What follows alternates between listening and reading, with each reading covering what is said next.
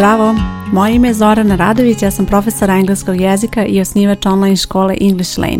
Ovo što slušaš je English Lane podcast gdje pričamo o korisnim savjetima i lekcijama za učenje engleskog jezika. U ovoj epizodi želim da pričam o uspjehu u učenju engleskog jezika i kako možeš da odrediš koliko si uspješna kada je u pitanju učenje. Kvalitetno učenje je veoma važan deo učenja, odnosno bitno je način na koji učiš da bi uspjela da ostvariš dobre rezultate jer tvoj cilj jeste konverzacija, odnosno mogućnost da pričaš na engleskom, a da li si u tome uspešna, postoje razne stvari koje će ti pomoći da odrediš da li si zaista uspela u tome i to što si završila neki kurs ili to što recimo imaš nekoliko mjeseci pa čak i godina učenja iza sebe, ne mora uvek da bude odraz uspeha i zato je bitno da probaš da razmisliš o ovim situacijama, da proveriš da li ti osjećaš uspeh kada su u pitanju ove stvari. Prva stvar i prva indikacija da određeš da li je tvoje učenje uspešno je osjećaj sigurnosti u konverzaciji. Ovo je nešto što je veliki problem onima koji počinju sa učenjem i čak i kada nauče prve reči, prve rečenice, steći osjećaj u konverzaciji nije lako i treba vremena da se to uradi. To znači da će ti biti potrebno dosta vremena i učenja, ali dosta vremena i prakse, odnosno praktičnog rada, praktičnih zadataka i naravno konverzacije da bi uspjela da stekneš taj osjećaj sigurnosti u konverzaciji. Sigurnost u konverzaciji znači da umeš da odgovoriš na pitanje, da umeš da učestvuješ u konverzaciji i da nemaš ono što kažu blokadu kada treba nešto da kažeš, već jednostavno možeš da kažeš onako najbolje kako možeš u tom trenutku, dakle da nemaš taj strah. Ovaj osjećaj sigurnosti u konverzaciji je nešto što se stiče vremenom i treba zaista vremena da se to stekne, to nije lako, ne može preko noći, ne može nekom ubrzanom metodom, već jednostavno treba vremena da se to uradi i vrlo je bitno da razumeš da ukoliko praviš pauze u učenju, ova sigurnost u konverzaciji je prvo što će osjetiti rezultat toga. Znači prvo ćeš izgubiti tu sigurnost u konverzaciji. Nećeš zaboraviti pravila, nećeš možda čak ni reći zaboraviti, ali najpre ćeš krenuti da gubiš tu sigurnost u konverzaciji ukoliko praviš pauzu u učenju i zato je bitno da učiš redovno, da imaš taj kontinuitet i da redovno koristiš engleski jezik. Kada je u pitanju konverzacija ne mislim isključivo na usmenu konverzaciju, već i na pisanu. Dakle, konverzacija može biti i u pisanom i usmenom obliku i za jednu i za drugu je potrebna ta sigurnost da bi uspela da upotrebiš sve ono što si učila do sada. Druga stvar koja će ti pomoći da meriš uspeh u engleskom je nedostatak stresa u situacijama kada treba da koristiš engleski jezik. Situacije kada treba da kažeš nešto na engleskom, pogotovo ako se nisi pripremala, ako ne znaš koja je tema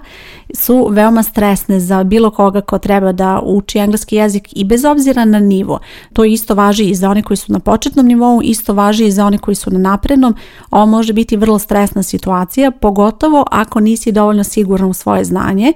i zato je bitno da odrediš kakva si ti u toj situaciji, znači kako se ti osjećaš kada treba da pričaš na engleskom. Normalno je da imaš neki nivo stresa, normalno je da ti treba vremena da se prebaciš onako, da prebaciš mozak da smišljaš rečenice na engleskom, ali pričanje na engleskom ne sme da bude ogroman stres za tebe, ne sme da bude neka situacija gdje ti si gotovo u panici, jer to je pokazatelj da onda nisi dovoljno uspešna u konverzaciji i da treba mnogo bolje da se posvetiš učenju da bi uspjela da prevaziđeš tu situaciju. To znači malo stresa je ok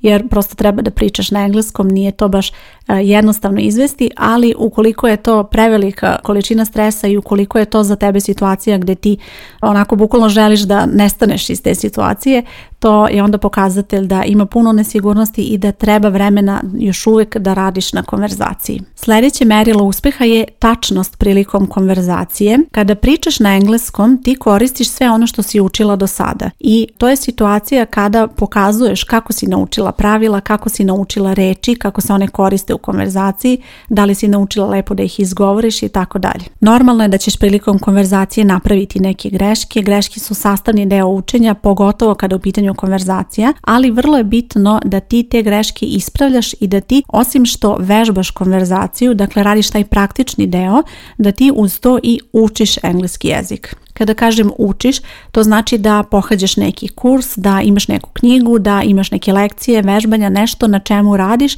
da razvijaš tu veštinu. Dakle, učiš nešto novo, učiš nova pravila, učiš nove reči, kako da praviš neke nove izraze i tako dalje, jer to je sve ono što ti je neophodno da i tvoja konverzacija bude bolja. To znači da je konverzacija u stvari skup svega onoga što si učila i to je rezultat zapravo i ta tačnost prilikom konverzacije određuje tvoj uspjeh. Ukoliko ti možeš da upotrebiš sve to u konverzaciji, to znači da si ti to dobro naučila i da si uspješno učila engleski jezik. Konverzacija također može biti pokazatelj da nešto nisi dobro naučila, jer kada treba nešto da kažeš na engleskom, a nisi sigurna kako se recimo neko vrijeme gradi ili kako se neka fraza koristi, ti ćeš u konverzaciji oklevati i možda ćeš napraviti grešku, možda ne, ali oklevaćeš i tu zapravo vidiš da postoji nesigurnost i to ti je pokazatelj da treba ipak malo da se vratiš na to gdje si nesigurna i da dodatno provežbaš. Na kraju zapamti da konverzacija sama po sebi ne može da bude bolja, odnosno tačnija, samo tako što ćeš pričati na engleskom, već moraš da kombinuješ i učenje, dakle moraš i da učiš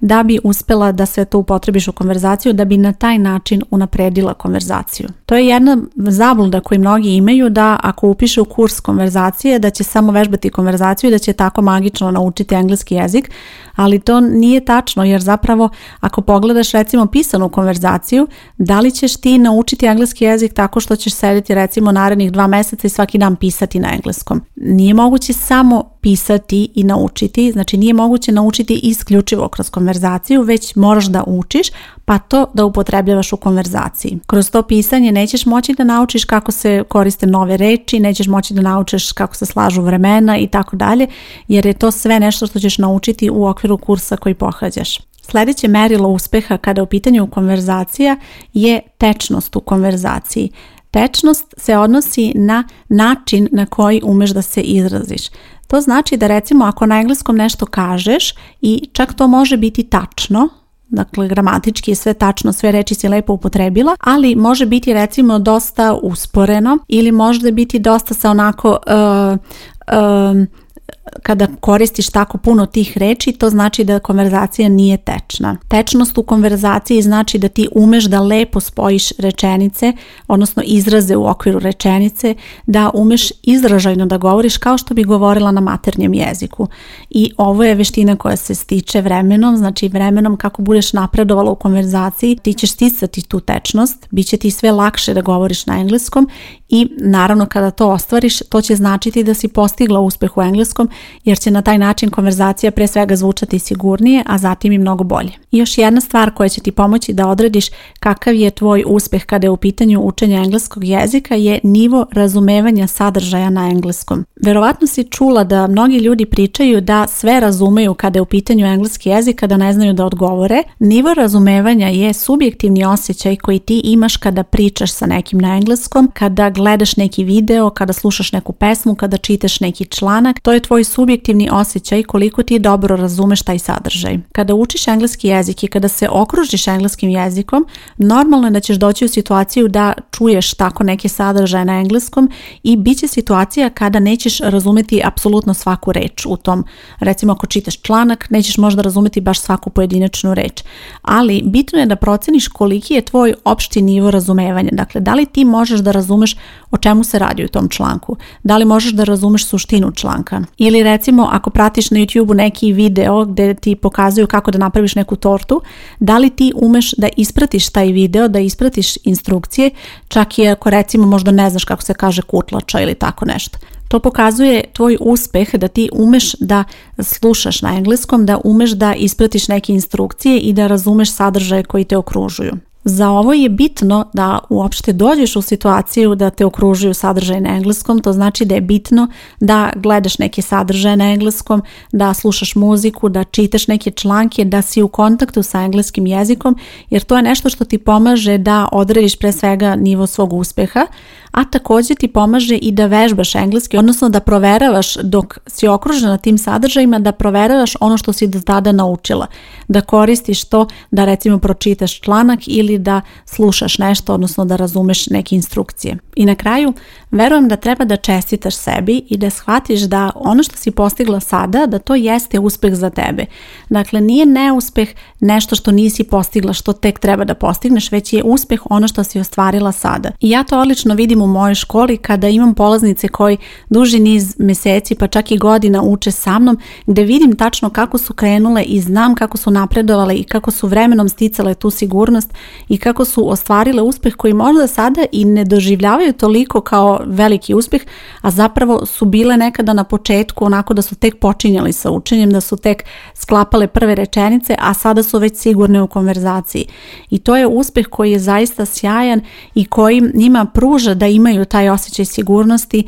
da imaju tačnost i tečnost u konverzaciji. To je nešto što možeš i da pročitaš kada pogledaš utiske polaznica moje škole gdje ćeš vidjeti da one uvijek imaju svoje mišljenje šta je za njih uspjeh i vrlo često će baš to biti ta sigurnost u konverzaciji da razumeju šta uče i da razumeju engleski kada dolaze u kontakt sa njim bilo da je to na poslu, bilo da je to na putovanjima jer to u stvari pokazuje nivo njihovog uspjeha i šta su sve one postigle u tom periodu kada su se posvetile učenju engleskog jezika. Ako učiš engleski već neko vreme, ja želim da ti čestitam i da pohvalim tvoj trud jer sve ono što si postigla sada, to je mnogo više od onoga sa čim si krenula. Svi smo mi krenuli od apsolutne nule onako kada je u pitanju i reči i gramatika i konverzacija,